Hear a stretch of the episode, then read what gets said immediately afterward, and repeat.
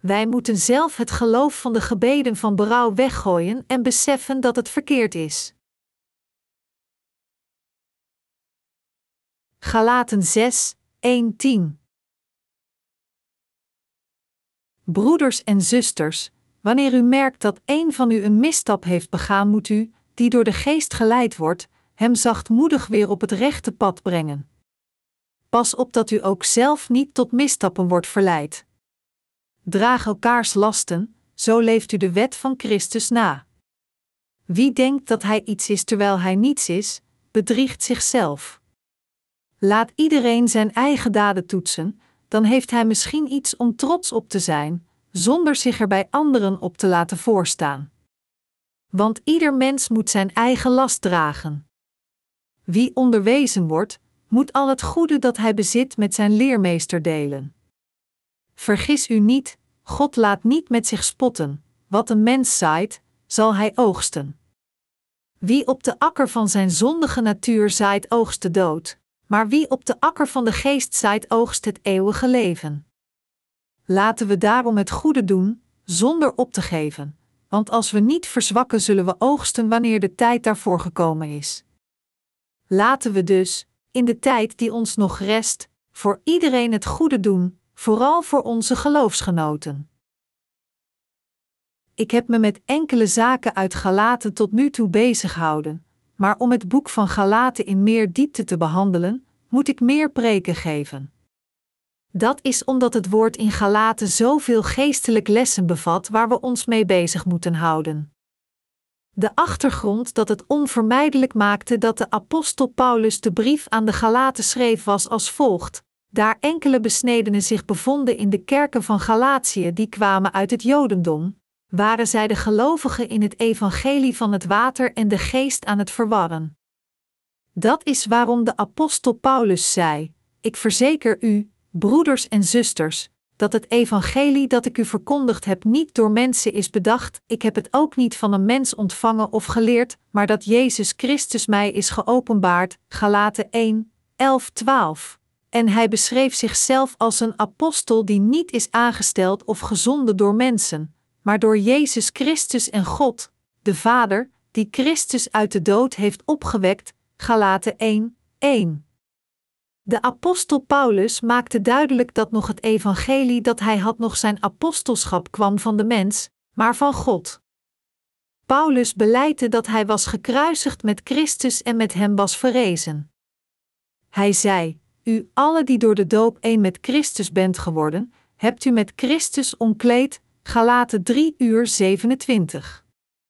Met andere woorden, de algemene boodschap van Paulus was dat het is door te geloven in het evangelie van het water en de geest dat iedereen het geestelijke doopsel ontvangt om te sterven met Jezus Christus en om wedergeboren te worden in een nieuw leven.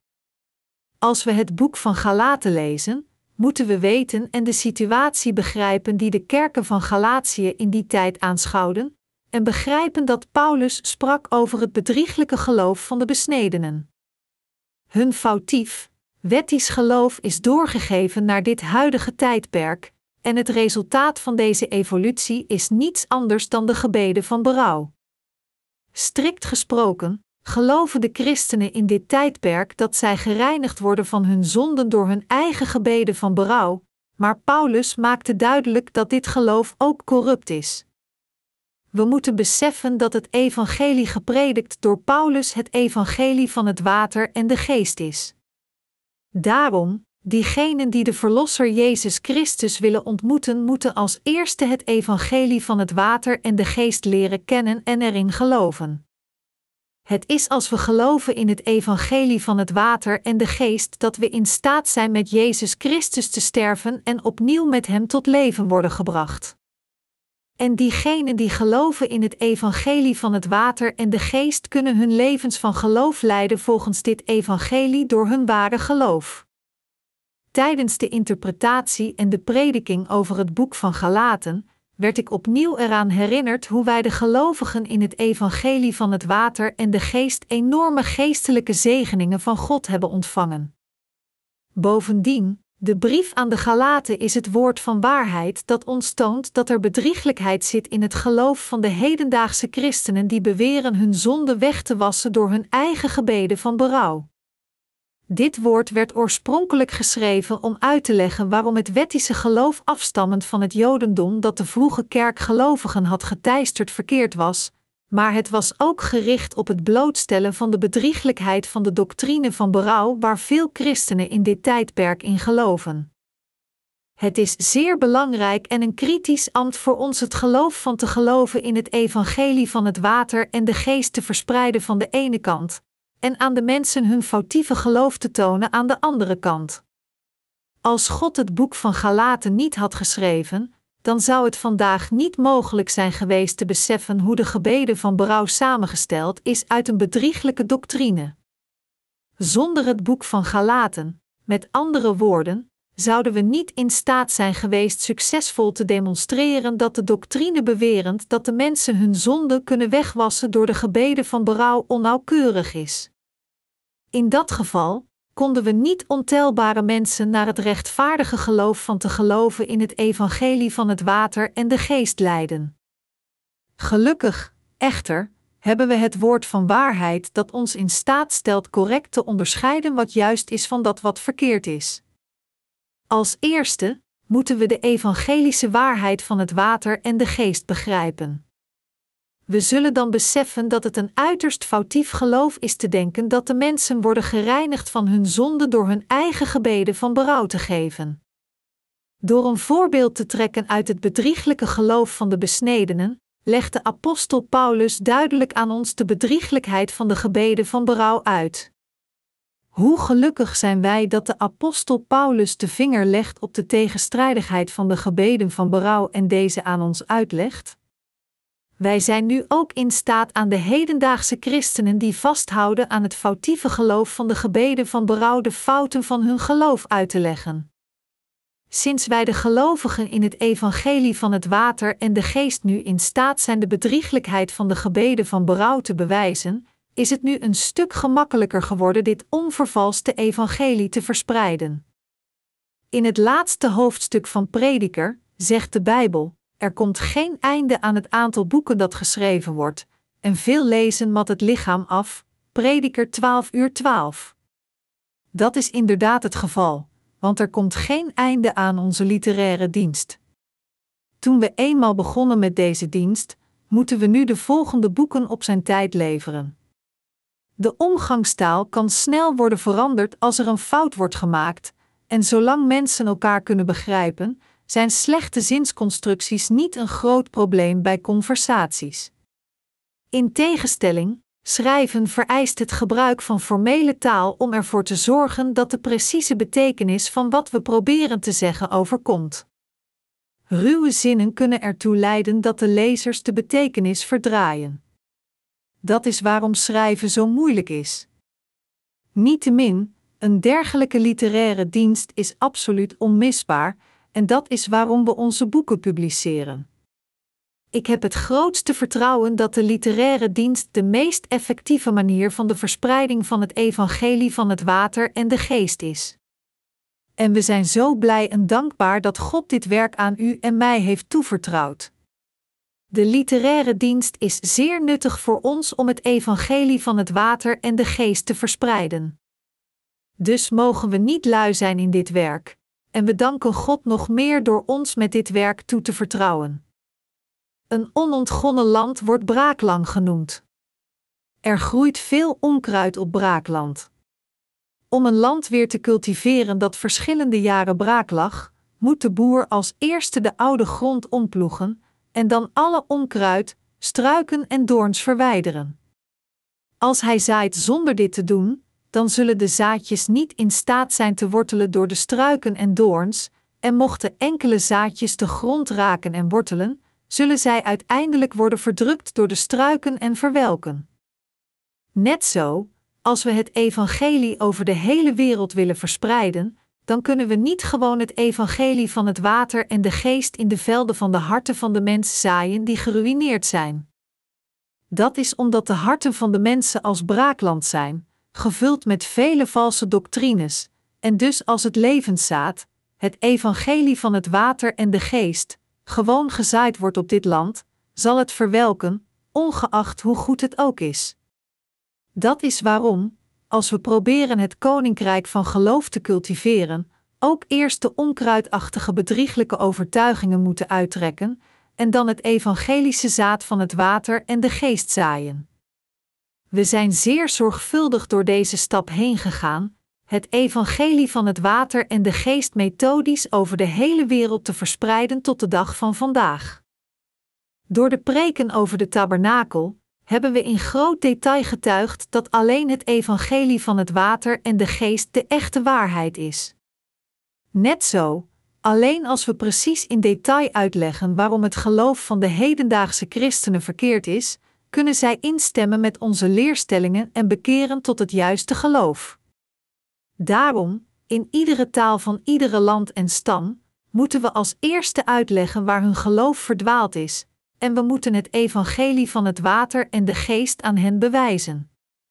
Als we het evangelie van het water en de geest aan hen prediken, dan is het verstandig hun bedrieglijkheid van hun geloof in detail uit te leggen. Dat is omdat iedereen mag verdwalen in zijn handelingen, maar niemand mag verdwalen als het aankomt op het geloof in het evangelie van het water en de geest. Dus wil ik het duidelijk maken hoe verkeerd het geloof van de hedendaagse christenen is, die proberen de vergeving van hun zonden te ontvangen door het offeren van de gebeden van berouw. En ik wil het ook onmiskenbaar duidelijk maken dat door hun foutieve geloof zij nooit worden vergeven van het zonde voor God. Zoals het bedrieglijke geloof van de besnedenen en in de kerken van Galatië die beweerden dat de heiligen alleen Gods mensen konden worden als zij besneden werden, zo is ook het hedendaagse geloof dat de gebeden van berouw noodzakelijk acht een bedrieglijk geloof. Wij moeten de bedrieglijkheid van de doctrine van berouw aan iedereen uitleggen, en bij diegenen die onze uitleg accepteren, moeten we het evangelische zaad van het water en de geest planten.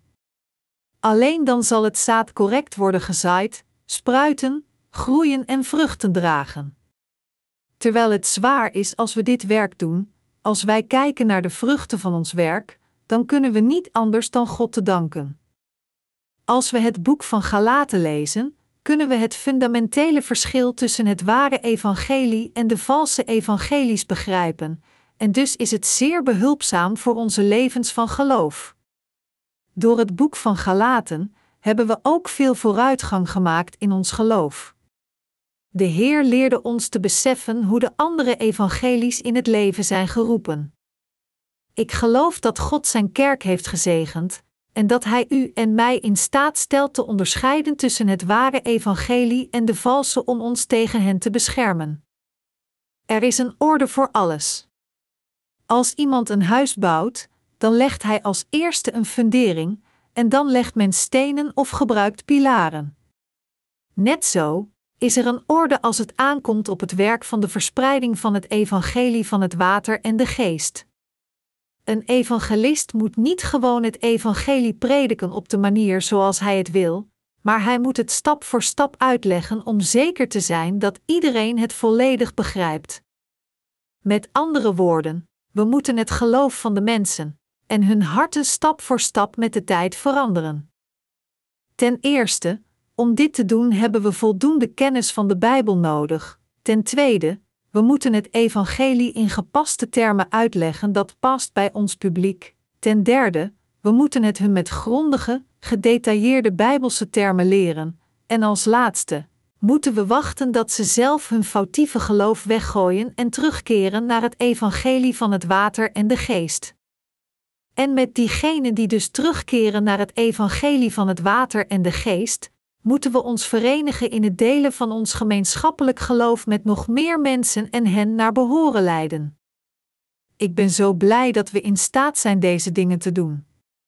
Ik ben dankbaar dat God ons toestaat het evangelie van het water en de geest over heel de wereld te prediken en dat Hij dergelijke werken uitvoert door Zijn kerk. Geneest de ongelovigen van hun foutieve geloof. Laten we Galaten 6, 1 samenlezen, broeders en zusters, wanneer u merkt dat een van u een misstap heeft begaan, moet u, die door de geest geleid wordt, hem zachtmoedig weer op het rechte pad brengen. Pas op dat u ook zelf niet tot misstappen wordt verleid. Hier brengt de apostel Paulus zijn brief naar het eind. Paulus heeft correct de bedrieglijkheid van het geloof van de besneden aangetoond, en nu besluit hij zijn brief met deze woorden van waarschuwing nog een keer gericht naar de heiligen. De afsluitwoorden van Paulus zijn hier nog steeds gericht op de vertegenwoordigers van de besnijdenis.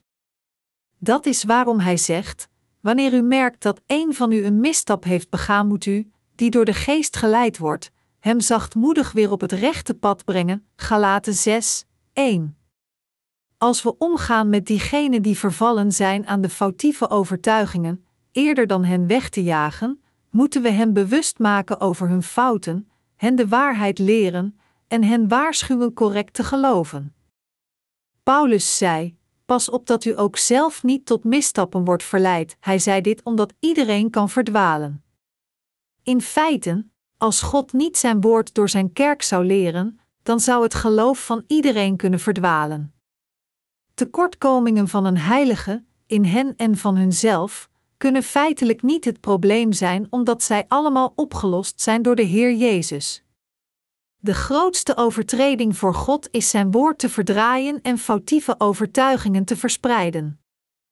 Trouwens, als iemand Gods woord interpreteert zonder zich het evangelie van het water en de geest te realiseren, dan kan hij zijn eigen gedachten aan het woord van God toevoegen en deze verkeerd interpreteren gebaseerd op zijn eigen foutieve kennis.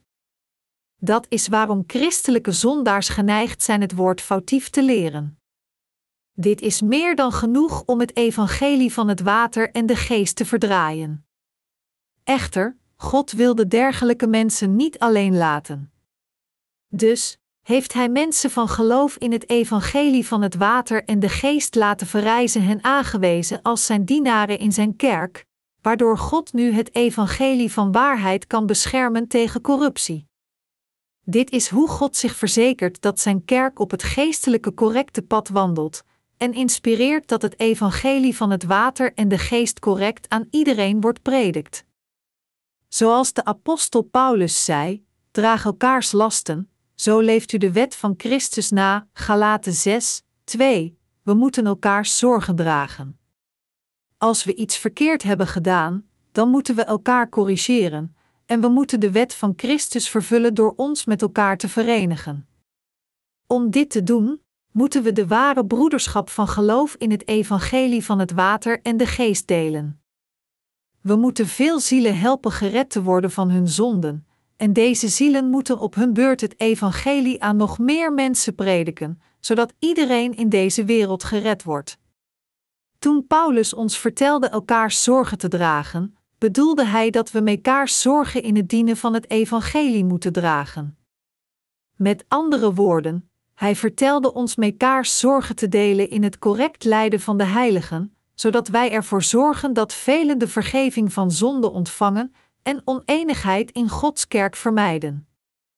De apostel Paulus zei in Galaten 6, 3: Wie denkt dat hij iets is terwijl hij niets is, bedriegt zichzelf. Anders gezegd, als iemand denkt dat hij geestelijk volledig gerijpt is, terwijl in feite niets van geestelijk geloof is bereikt, dan misleidt hij zichzelf. Het denkbeeld tijdens de vroege kerkperiode dat mensen op de een of andere manier rotsmensen kunnen worden door de besnijdenis van de besnedenen te ontvangen is complete onzin. De apostel Paulus zei duidelijk: U alle die door de doop één met Christus bent geworden, hebt u met Christus omkleed. Galaten 3 uur 27. Vergeleken met Paulus' geloof is het geloof van de vertegenwoordigers van de lichamelijke besnijdenis inderdaad niets. Ook voor Abraham was het niet de ontvangst van de lichamelijke besnijdenis dat God zijn geloof goedkeurde. Het was door zijn geloof, zoals staat geschreven: Abraham vertrouwde op de Heer en deze rekende hem dit toe als een rechtvaardige daad. Genesis 15, 6. Als we geloven in het evangelische woord van God, verkrijgen we het duidelijk bewijs van het worden van Gods mensen, en dit is niets anders dan de geestelijke besnijdenis. Toen God Abraham vertelde te worden besneden, werd dit geïnterpreteerd als een lichamelijke besnijdenis, maar God sprak feitelijk van de geestelijke besnijdenis. Geestelijke besnijdenis is het uit onze harten snijden van zonde door te geloven in het evangelie van het water en de geest gegeven door Jezus Christus. Dat is het ware geloof van geestelijke besnijdenis. Als zodanig moeten we beseffen dat het geloof dat we lichamelijk besneden moeten zijn om Gods mensen te worden, behalve van te geloven in het evangelie van het water en de geest een corrupt geloof is, en het geloof dat overheerst in dit tijdperk dat men de vergeving van zonde ontvangt door het geven van de gebeden van berouw is ook corrupt. Daarom, als u denkt dat u rechtvaardig bent geworden, zelfs als u niets geworden bent, dan moet u opnieuw het evangelie van het water en de geest onschuldig accepteren en compleet wedergeboren worden in dit onvervalste evangelie. Door uw geloof in het doopsel dat Jezus ontving van Johannes de Doper te plaatsen, geeft u al uw zonden door aan Jezus Christus en wordt met Hem verrezen. We moeten allemaal met Jezus Christus sterven door geloof en weer van de dood verrijzen om echt God mensen te worden. De hedendaagse christenen hebben het verkeerde idee dat zij gered zijn geworden door alleen te geloven in Jezus Christus bloed aan het kruis, en zij geloven ook dat de zonden die zij plegen nadat zij gered zijn weggewassen worden door het geven van de gebeden van berouw. Dit is een groot probleem. Verdwijnen hun zonden echt, alleen omdat zij gebeden van berouw offeren? Hun geweten kan alleen maar nee zeggen. Maar ondanks dit geloven zij zo, en daarom is dit een zelfmisleidend, vals geloof. Zij moeten nu dergelijke overtuigingen zelf weggooien. Dit soort van geloof zal hen niet rechtvaardig maken. Het geloof dat alleen vertrouwt op het kostbare bloed van het kruis wordt onvermijdelijk vergezeld door de valse doctrine van berouw, dat beweert dat iemand gereinigd wordt van zijn zonde door gebeden van berouw te offeren. Dat is omdat als iemand alleen gelooft in Jezus' kostbare bloed, hij geen andere keus heeft dan nutteloos te proberen zijn zonde zelf weg te wassen, want hij begrijpt de kracht van het doopsel van Jezus dat al zijn zonde wegneemt niet, en daarom heeft hij hen nooit doorgegeven aan Jezus. Als u niet kunt geloven dat uw zonden werden doorgegeven aan Jezus toen hij werd gedoopt door Johannes de Doper, dan is het voor eeuwig onmogelijk voor u de vergeving van uw zonde te ontvangen. En dit zal ervoor zorgen dat u iedere dag gebeden van berouw geeft, proberend uw zonden weg te wassen. Bovendien zult u ook gaan geloven in de valse doctrine van de geleidelijke heiligmaking dat beweert dat iemand dag na dag heilig wordt en volledig transformeert tijdens zijn dood. In tegenstelling, echter, als u het evangelie van het water en de geest begrijpt, dan zult u beseffen: oh, al mijn zonden werden doorgegeven aan Jezus toen hij werd gedoopt door Johannes de Doper. U moet weten waarom het hedendaagse christendom zo verduisterd is. Dit alles is omdat tot de dag van vandaag vrijwel alle christenen geloofd hebben in alleen het bloed van het kruis en leven met het foutieve geloof dat hun persoonlijke zonden worden weggewassen door hun eigen gebeden van berouw. De geestelijkheid van het hedendaagse christendom wordt donkerder en donkerder omdat zij verkeerd begrepen en verkeerd geloofden dat zij geleidelijk geheiligd worden door te proberen een goddelijk leven te leiden. En zij zullen dus gaan en voor God staan in een zondige staat, zowel in lichaam als geest. Er is geen enkele manier dat mensen zich dit zullen realiseren. Dergelijk geloof van de mensen is een falend geloof dat niets kan volbrengen. Een dergelijk geloof is een dat God niet kan goedkeuren. Te geloven in een doctrine die de mens zelf gemaakt heeft, in plaats van te geloven in deze waarheid, dat God zondaars heeft gered door het evangelie van het water en de geest, is een geloof dat nooit iemand kan redden van zonden.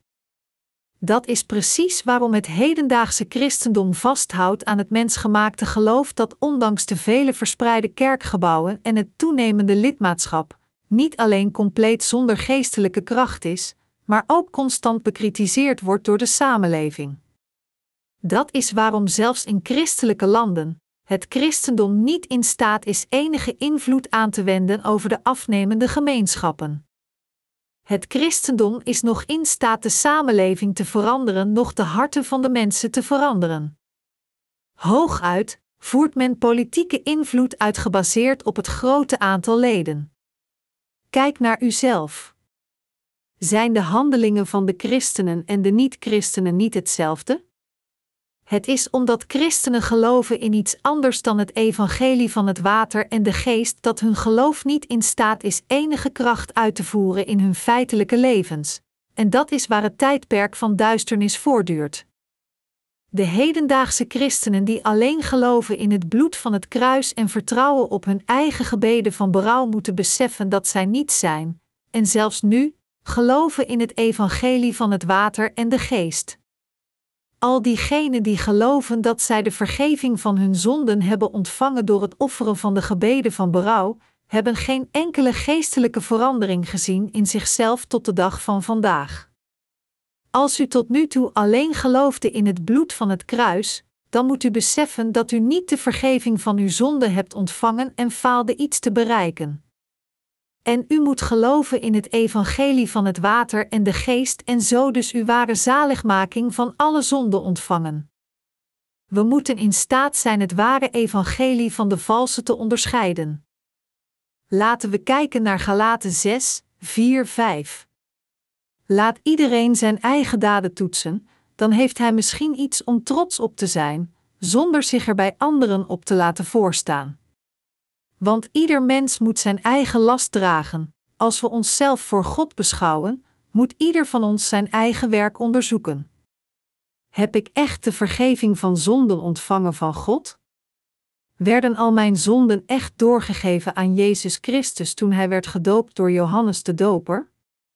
Gaf ik mijn zonden door aan Jezus door mijn geloof in het evangelie van het water en de geest? Als iemand deze vragen bedenkt, en inderdaad gered is van al zijn zonden door te geloven in het evangelie van het water en de geest, dan zal hij in zichzelf verheugd zijn en niet in iemand anders. En zoals Paulus ons hier vertelde, want ieder mens moet zijn eigen last dragen, en de zaligmaking van zonden moet ook worden ontvangen door ieder mens, en Gods werk moet ook uitgevoerd worden door ieder mens. Per slot van rekening, is er iemand anders die gelooft in het evangelie van het water en de geest namens u? Nee, er is niemand. Ondanks dat de Bijbel het duidelijk maakt dat de gebeden van berouw corrupt zijn, zijn er weinigen die zich dit correct realiseren en zich bekeren van hun bedorven manier.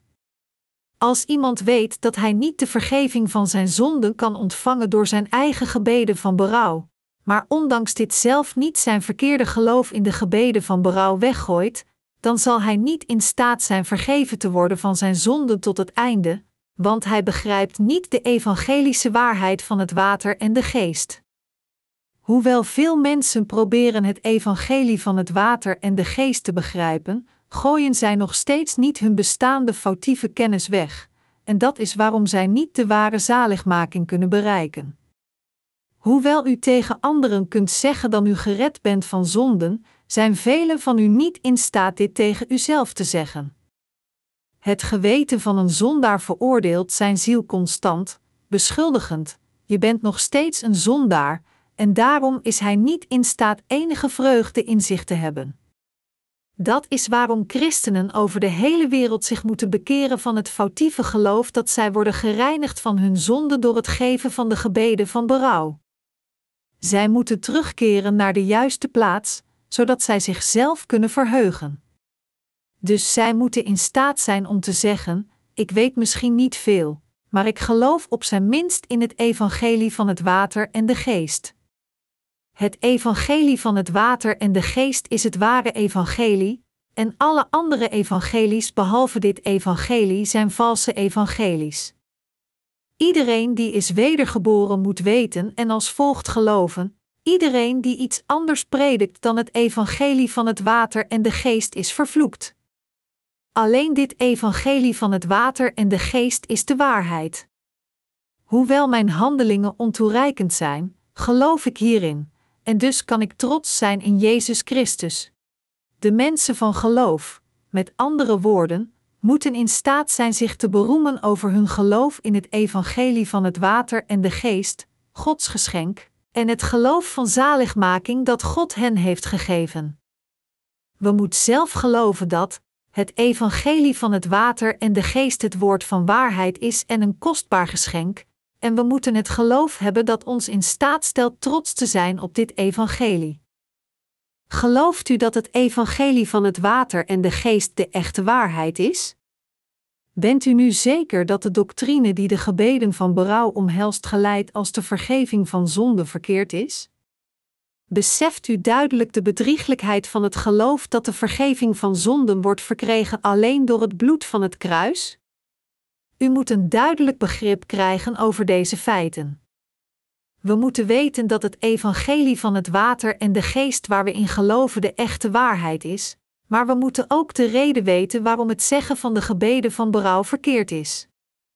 Gefrustreerd door de bewering van de besnedenen dat iemand gered kan worden door de lichamelijke besnijdenis, zei de apostel Paulus dat zij allemaal naar de hel zullen gaan. Ook in dit tijdperk zeggen de dienaren van God ook uit frustratie: U zult vervloekt worden naar de hel als u gelooft in de gebeden van berouw. Als ik christenen zie, dan realiseer ik mij hoe leeg hun harten zijn. Zoals God als zei: De aarde was nog woest en doods, en duisternis lag over de oervloed. Genesis 1, 2. De christenen van vandaag hebben inderdaad geen geloof. Voor diegenen die geloven dat hun zonden uitgewist zijn door de gebeden van berouw, hun harten hebben geen geloof in het evangelie van het water en de geest, en daarom zonder de evangelische waarheid is het onvermijdelijk voor hun harten bijna leeg te zijn. Zoals hen, was er een tijd dat mijn hart ook verzuchtte in leegheid. Maar sinds alleen gejammer niets kan bereiken, zocht ik naar de waarheid die mijn leegte kon vullen. Uiteindelijk ontmoette ik het evangelie van het water en de geest door het woord van God, en toen ik geloofde in deze waarheid, verdween de leegheid compleet uit mijn hart. Het evangelie van het water en de geest is de waarheid die iedereen moet vinden terwijl men leeft op deze aarde. Tegenwoordig leven de meeste christenen hun levens van geloof in leegheid en in nutteloosheid, want er zitten zonden in hun harten. Een tijd geleden was er een getalenteerde gospelzanger. Ik zag hem een keer op televisie spreken, en de tekst van zijn lofzang was gewoon prachtig. Maar nog niet zo lang geleden hoorde ik het trieste nieuws dat hij zelfmoord had gepleegd. Hoewel hij tegen anderen had gesproken over de zaligmaking en prachtige lofliederen zong, was de waarheid van de echte zaligmaking niet in zijn hart. Hij doodde zichzelf omdat zijn hart leeg was. Diegenen wiens harten niet de evangelische waarheid van het water en de geest hebben, kunnen deze leegheid niet met iets anders vullen. Ieder van ons moet geloven, met heel onze harten, dat Jezus Christus onze Verlosser is, die kwam door het evangelie van het water en de geest. We moeten geloven dat alleen het evangelie van het water en de geest de echte waarheid van zaligmaking is dat God aan ieder van ons heeft gegeven. Daarom moeten we de kennis hebben over het evangelie van het water en de geest, en we moeten ook geloof hebben in dit onvervalste evangelie. Kijk. Het hedendaagse geloof alleen in het bloed van het kruis wijst uiteindelijk de waarheid van het doopsel dat Jezus ontving van Johannes de Doper af. Kwam de doctrine van berouw, waar de mensen van vandaag op vertrouwen, niet van dit geloof dat alleen geplaatst is in het bloed van het kruis? Bovendien stamde de doctrine van geleidelijke heiligmaking ook niet af van het geloof dat alleen gelooft in het bloed van het kruis? kunnen we een correct geloof vinden in de harten van diegenen die alleen geloven in het bloed van het kruis? We zullen een andere onzinnige doctrine vinden, namelijk de doctrine van de onvoorwaardelijke verkiezing, in hun harten. Vele theologen en pastors blijven vasthouden aan Calvijns zogenaamde doctrine van de onvoorwaardelijke verkiezing, die beweert dat God enkele onvoorwaardelijk uitkoos terwijl hij anderen niet koos. Maakt een dergelijke doctrine enige zin? Is God een dergelijke onrechtvaardige God? Als u de eerste knop verkeerd dichtknoopt, dan zult u zeker al de overgebleven knopen ook verkeerd dichtknopen. U moet beseffen dat als u gewoon in Jezus gelooft zonder de bedrieglijkheid van de hedendaagse christelijke doctrines te kennen, dan hapt uw geloof alleen naar lucht, en u zult een compleet nutteloos geloof uw hele leven leiden om uiteindelijk in de hel te worden gegooid. Martin Luther zette de Reformatie in werking door botweg de katholieke kerk te bekritiseren voor hun bewering dat mensen gereinigd konden worden van hun zonden als zij aflaten kochten. Alles dat Luther echter deed, was bepaalde fouten van de kerk aan te tonen waar hij in die tijd bij behoorde, niet door het evangelie van het water en de geest te vertegenwoordigen. Letterlijk was hij het beginpunt van een religieuze hervorming en niet een hervorming van het geloof zelf, als hij zich had gerealiseerd dat het evangelie van het water en de geest de waarheid is, en als hij een hervorming van geloof in zijn ware essentie had gelanceerd, dan was het christendom niet alleen als een van de religies van de wereld zoals het nu is, gebleven.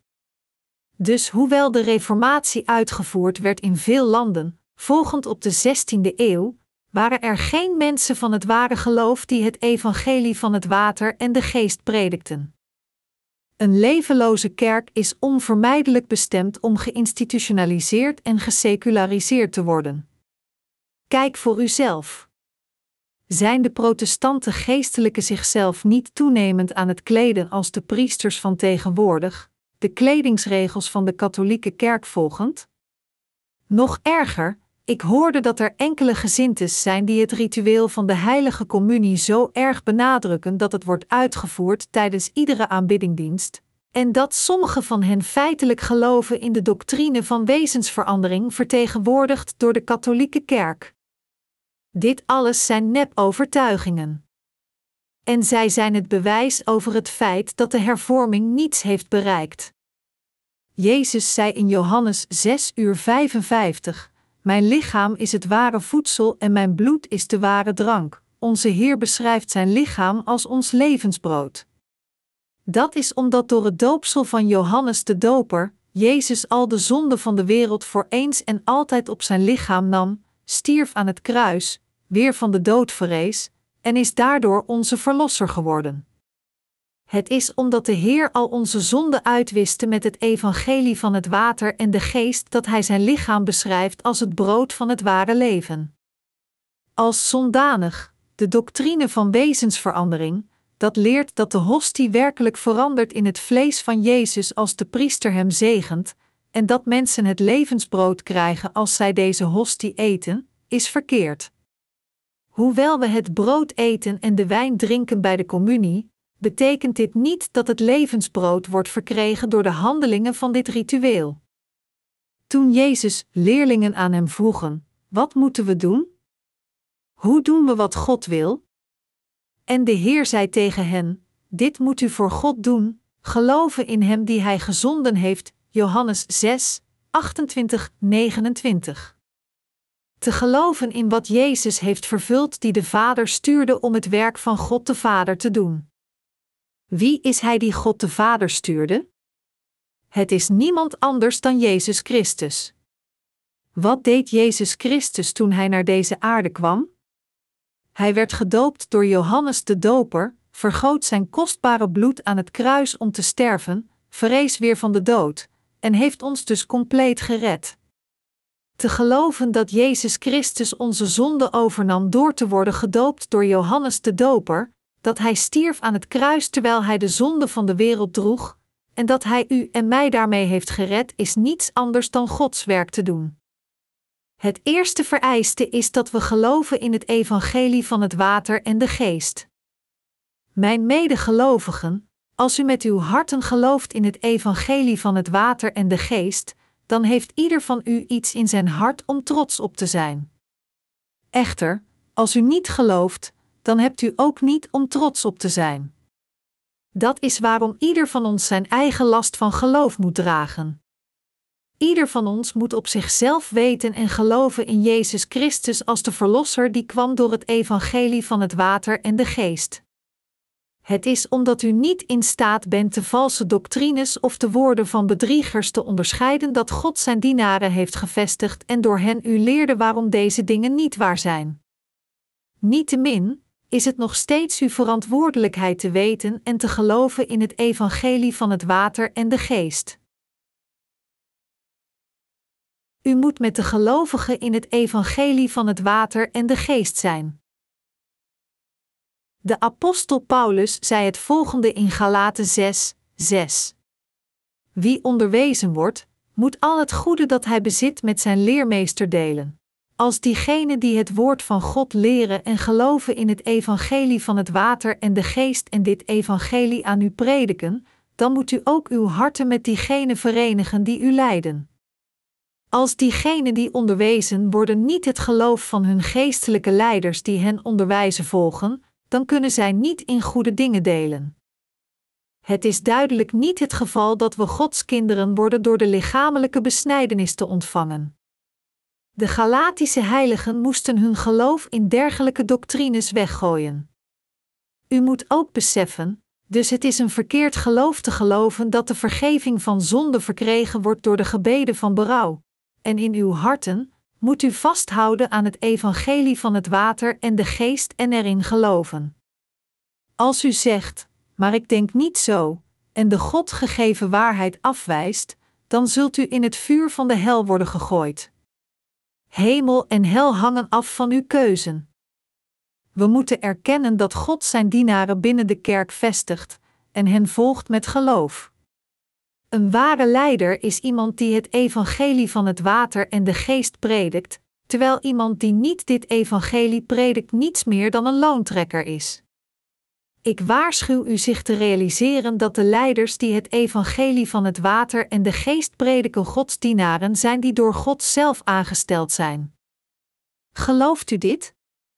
Ongeacht hoe ontoereikend ik ook ben, het is God die mij heeft laten verrijzen om voor u te staan. Het is niet omdat ik wijs ben, maar het is omdat God mij het evangelie van het water en de geest eerder heeft gegeven dat ik zijn werk doe, en het is God die mij als een leider heeft verrezen om zijn woord te prediken. Als ik geloof in het evangelie van het water en de geest en het predik, dan moet u mij als uw leider erkennen en me vertrouwen. En als ik, die geloof in het evangelie van het water en de geest aan u predik, zeggend, de gebeden van berouw zijn verdorven. U moet hen weggooien, dan moet u dit begrijpen en zo geloven. Dat is een oprecht rechtvaardig geloof. De apostel Paulus, een leider van de vroege kerk, predikte het evangelie van het water en de geest, maar sommige mensen wezen zijn leerstelling af door te beweren dat zij Gods mensen konden worden als zij lichamelijk besneden werden. Was hun geloof het juiste geloof? Nee, Paulus berispte dergelijke mensen voor hun bedrieglijkheid.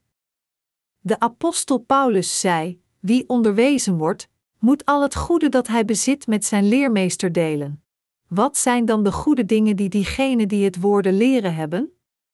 Zij moeten geloven in het evangelie van het water en de geest, de valse doctrines afwijzen en de wil van God volgen ondanks onze tekortkomingen. We moeten deze dingen samen delen. Terwijl we duidelijk niet moeten delen in de slechte dingen die de kerkleiders hebben, we moeten delen in de goede dingen. Dit is zo vanzelfsprekend, maar er zijn er velen die dat niet kunnen doen. Veel mensen geloven elk op zich, eerder dan hun leiders in Gods kerk te evenaren. Maar groeit geloof op deze manier? Nee, dat doet het niet. Waarom gaan studenten naar school? Als een student op zichzelf wil studeren zonder naar zijn leraar te luisteren, welk nut heeft het dan om naar school te gaan? Het zou beter voor hem zijn om naar de bibliotheek te gaan en voor zichzelf te leren. De reden waarom er leraren zijn is zodat diegenen die als eerste geleerd hebben de studenten kunnen leiden als hun gids. Als een student eenmaal geleid wordt door een leraar, kan hij het gemakkelijker begrijpen, en als hij het eenmaal heeft geleerd, dan kan hij het vanaf dat moment zelf doen. Net zoals leraren nodig zijn op school, in Gods kerk, zijn Gods dienaren noodzakelijk. Zonder dergelijke leiders zal de geestelijke dood komen.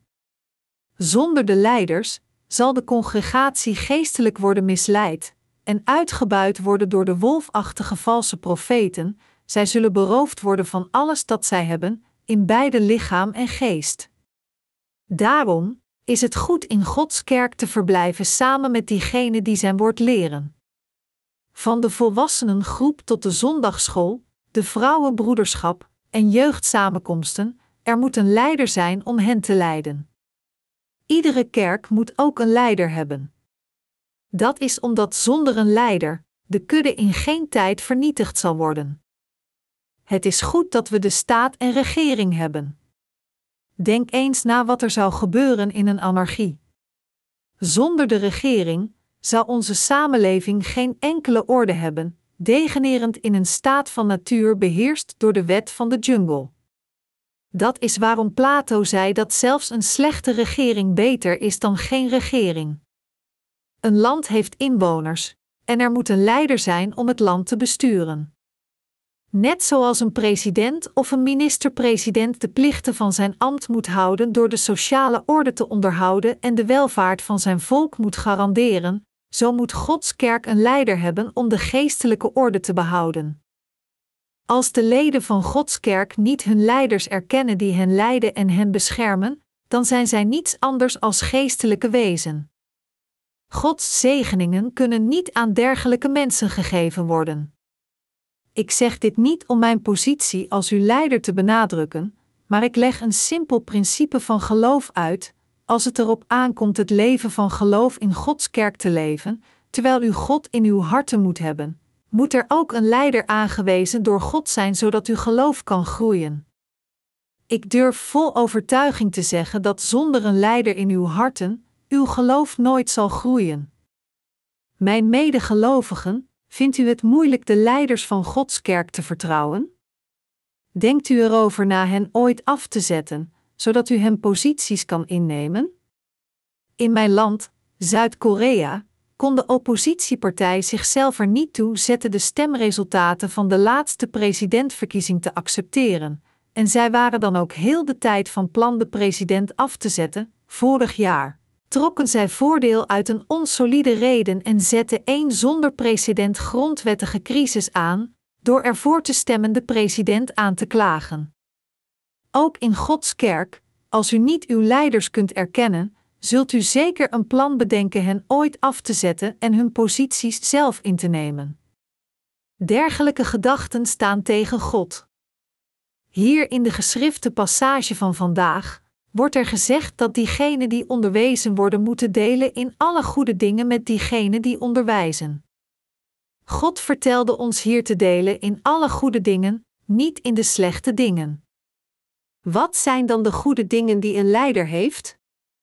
Als eerste, geloof in het evangelie van het water en de geest is een goed ding. Wat zou er gebeuren als ik, of schoon geloven in het evangelie van het water en de geest, ook geloof in iets anders? U zou onvermijdelijk eindigen gelovend zoals ik geloof. Dat is waarom de apostel Paulus zei dat hij heel de wereldlijke filosofie en kennis die hij had geleerd in de wereld als rotzooi beschouwde voordat hij werd wedergeboren. Filippenzen 3, 8. Net zo, als christenen die een verkeerd geloofd hadden de waarheid te weten komen en geloven in het evangelie van het water en de geest, dan moeten zij al de doctrines van het christendom wegdoen als onzin. Als u mij erkent en vertrouwt als uw leider, die gelooft in en het evangelie van het water en de geest predikt, dan bent u gezegend. U deelt in de goede dingen met iemand die het evangelie van het water en de geest leert. Van de andere kant, als u niet gelooft in het evangelie van het water en de geest, en als u niet uw leider vertrouwt en aan hem twijfelt, dan kunt u niet delen in alle goede werken. De apostel Paulus zei in Galaten 6, 7: Vergis u niet, God laat niet met zich spotten. Wat een mens zaait, zal hij ook oogsten. Mijn medegelovigen, u moet niet uw eigen geloof misleiden. U moet onderzoeken om te kijken of u echt gelooft in het evangelie van het water en de geest of in plaats daarvan gelooft in een ander evangelie, u zelf verzekerend dat u niet wordt misleid. Paulus zei hier dat God niet met zich laat spotten. Dit betekent dat God niet iemand is die veracht mag worden. God zegt: Als u gelooft in het evangelie van het water en de geest, dan bent u gered, en mijn kinderen. Als u gelooft in het evangelie van het water en de geest en tegen God zegt: Vader, dan zal God u goedkeuren als zijn kinderen zeggend: Ja, ik ben jullie vader. In tegenstelling echter, als iemand zegt: God, mijn vader, als hij niet gelooft in het evangelie van het water en de geest, dan zal God zeggen: Bent u mij aan het bespotten? U gebruikt mijn naam te vergeefs. Dat is waarom de apostel Paulus zei: God laat niet met zich spotten. God moet inderdaad niet belachelijk worden gemaakt. Paulus zei verder in Galaten 6, 8: Wie op de akker van zijn zondige natuur zaait, oogst de dood, maar wie op de akker van de geest zaait, oogst het eeuwige leven. Wat wordt er gezaaid? Het is geloof dat we moeten zaaien. Welk soort van geloof moeten we zaaien? Het is het geloof in het evangelie van het water en de geest dat we moeten zaaien. Van de andere kant betekent dit ook dat we niet de mensgemaakte doctrines in onze harten moeten zaaien. De Bijbel maakt het hier zeer duidelijk dat diegenen die geloven in het God gegeven evangelie van het water en de geest het eeuwige leven oogsten, terwijl diegenen die iets anders zaaien voor hun vlees corruptie oogsten. De apostel Paulus waarschuwt nu de besnedenen niet zichzelf te misleiden. Gelooft u dat u Gods mensen zult worden als u besneden bent?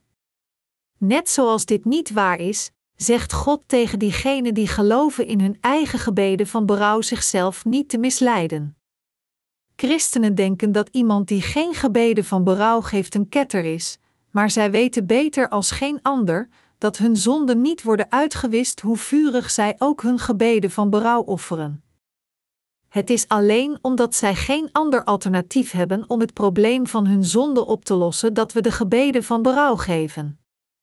Zij hebben de gebeden van berouw juist nodig omdat zij alleen geloven in het bloed van het kruis. Zouden zij geloven in het evangelie van het water en de geest, waarom zouden zij dan gebeden van berouw geven?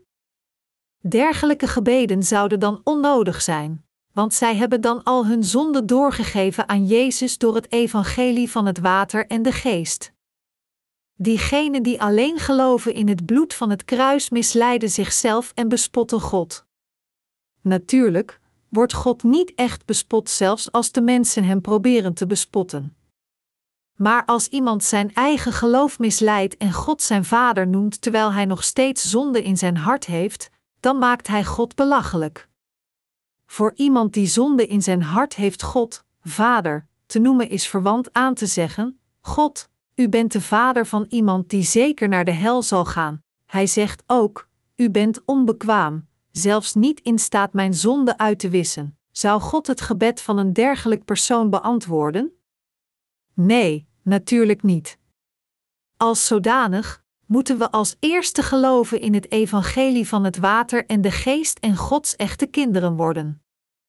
Het is alleen als we Gods ware kinderen worden dat we uiteindelijk Hem als onze Vader kunnen noemen en Hem verheerlijken, in plaats van Hem te bespotten. Men oogst wat men zaait. Als iemand gelooft in het evangelie van het water en de geest, dan zal hij zijn zaligmaking bereiken, het eeuwige leven ontvangen, Gods kind worden en zijn overvloedige zegeningen krijgen. In tegenstelling, als hij alleen gelooft in het bloed van het kruis in plaats van dit evangelie van waarheid, en gebeden van berouw offert, dan zal hij vervloekt worden en vervallen aan de vernietiging en in de hel worden gegooid. Men oogst wat men zaait.